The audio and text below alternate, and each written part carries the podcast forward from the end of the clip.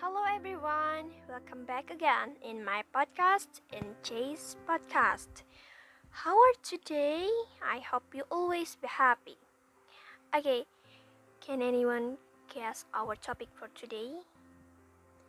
In this episode, I want to talk about studies and work. Are you a worker or are you a student?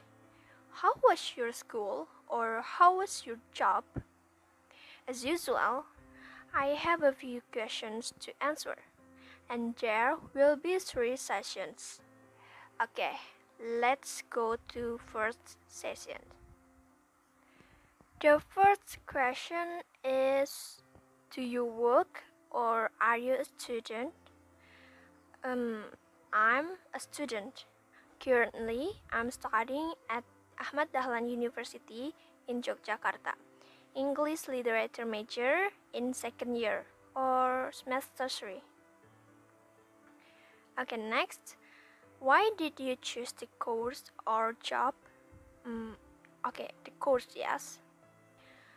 How do I answer these questions? Um, okay, guys, I want to tell you the truth. Actually, I chose this major because um, at the time I was confused. It's true, guys. At the time, I was thinking about um, what should I do, what should I choose, what I want, and I really don't have a plan. But then I choose this major because I like English. I also like writing. I want to improve my English skills. I think just let it flow, not too relaxed, not too planning. And in this year or in this semester, I started to find what I want in the future. I want to be a writer or translator. Next question. What is the most difficult thing about your studies or job? Um, the most difficult thing about English literature. Um, as far as I'm concerned, is that each lecturer ways of speaking is different. I mean the accent. This involves our listening skills too. There are lecturers who speak with an accent that we usually know, and there are also lecturers who speak with an accent that is foreign to our ears. It really tasted my listening skills. And then we have to learn a lot or remember vocabulary. Every day we will learn to use English. We will always meet new vocabulary. Vocabulary will always increase and we must always remember to improve our skills. Also, with the symbols in phonetics and phonology, I think that's also one of the difficult things in this course. Um, because it is still in semester 3, there is no introduction about majors such as linguistics, literature, uh, etc. So I think so far um, that's the most difficult thing in this course. Okay, let's go to the next session.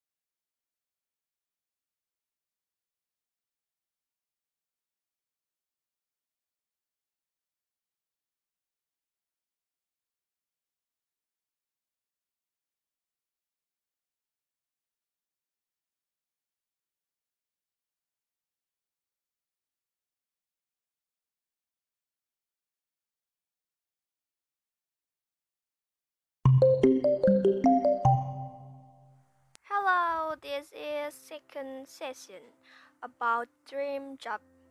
Okay, let's get it. My dream job is to become a translator. I want to work in a big company as a translator. The qualification of the job is to have a good TOEFL or IELTS score. And then, as I see it, there are several qualifications to become a translator. The first, to have the ability to write. For example, a translator must be able to write in various languages. And second, have the ability to edit, which means comparing the original text with the translated text. Is the delivery correct or not? This also involves the editor's job of editing and checking the text, which must be able to edit the text, such as correcting any wrong words or typos, um, spelling errors, um, character names errors if the text is narrative and an overall check to avoid printing errors and make sure there are no more errors in the writing. Translator is also one of the jobs that is quite difficult.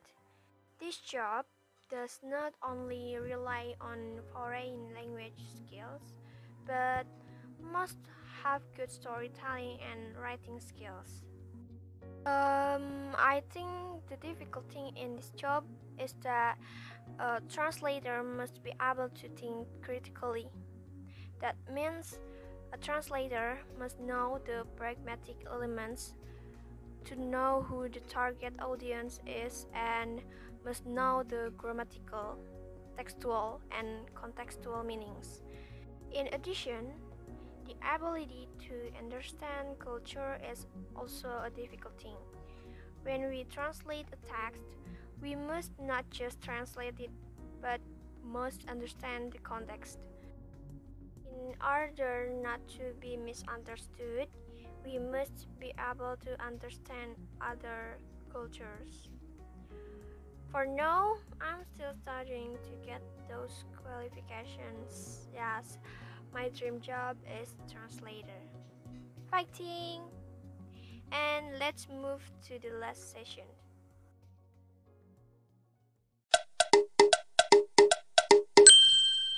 Okay, we meet again in the last session about education and motivation. Let's start it. In the first questions, do you think science subjects are more useful than art subjects? Um, mm, okay, okay. Okay, guys, in this world, it is closely related to science. Earth, moon, plants, mountains, outer space, and the like are related to science. So, I think science subjects are more useful especially in today's sophisticated era, which is full of technology. That's not far from science. They create technology from science and other theories. However, that doesn't mean that our subjects are not more useful. The two are similarly related even though they are opposites. In science, there are times when we think creatively and imaginatively. Okay, next question. Are students mature enough to choose what to study themselves, or should their parents decide for them? Mm, as far as I'm concerned, a student is not mature enough to decide what to study. But that doesn't mean parents have to decide what to learn. The task of parents is to guide students or their children to choose for themselves what to learn. So, I think it all ends in the student's decision with the guidance of parents. Okay, next question. In your country, does having a university education help you into a better career? Um, as I see it, the view of people in my country is that university education doesn't necessarily help us towards a better career. Most of them think like that. I'm unconvinced, but I think that's one of the things that makes the level of education in Indonesia is still very low because of that mindset. To my mind, there is a point. It all depends on each of us, depending on our skills and abilities. However, personally, I take the view that if we have un- university education, it it will help us towards a better career. At university, we find what we don't find out there. We meet all kinds of different points of view. Maybe in the next few years, many companies will start recruiting workers who are graduates or put their positions in better place. I think so. Okay, next about motivation. Next question Do you think older or younger workers are more motivated? Um, as I see it, younger workers are more motivated. Motivated to find a job with their own abilities, such as on online search sites or working through social media in addition, younger workers prefer to work with flexible hours and free space. I think work doesn't have to be just in the office. Maybe it can be done at the nearest cafe or coffee shop that can give a new atmosphere. And also, younger workers often looking for side jobs. They seek insight and experience elsewhere. Okay, next question. How can manager increase motivation among their workforce? Um, I think communication is the most important thing in any group or organization. Managers can hold casual discussions, direct face to face communication between employees, and then create a positive work environment. Allow employees to arrange their desk or workspace as they wish as long as it's not excessive. Don't forget to pay attention to the welfare of employees. It's not always about bonus or benefits or anything like that, but maybe by not giving the target burden or excessive work beyond the ability of the employee. Maintaining mutual trust is also important. Okay, next question. Are people more motivated if they job helping others? Okay, guys, everyone's motivation is different. I think that if our work helps other people, it gives its own satisfaction. There is a sense of happiness because it helps others and it can build our motivation. In my view, I'm happy when my work helps other people. Not only is it useful for me, but it is also useful for others. Is it right? okay, finish. So, guys, how is it? How is my podcast? I hope you can enjoy and it will be useful for you. That's enough from me. I'm sorry if I have some mistake. Thank you for today and have a nice day.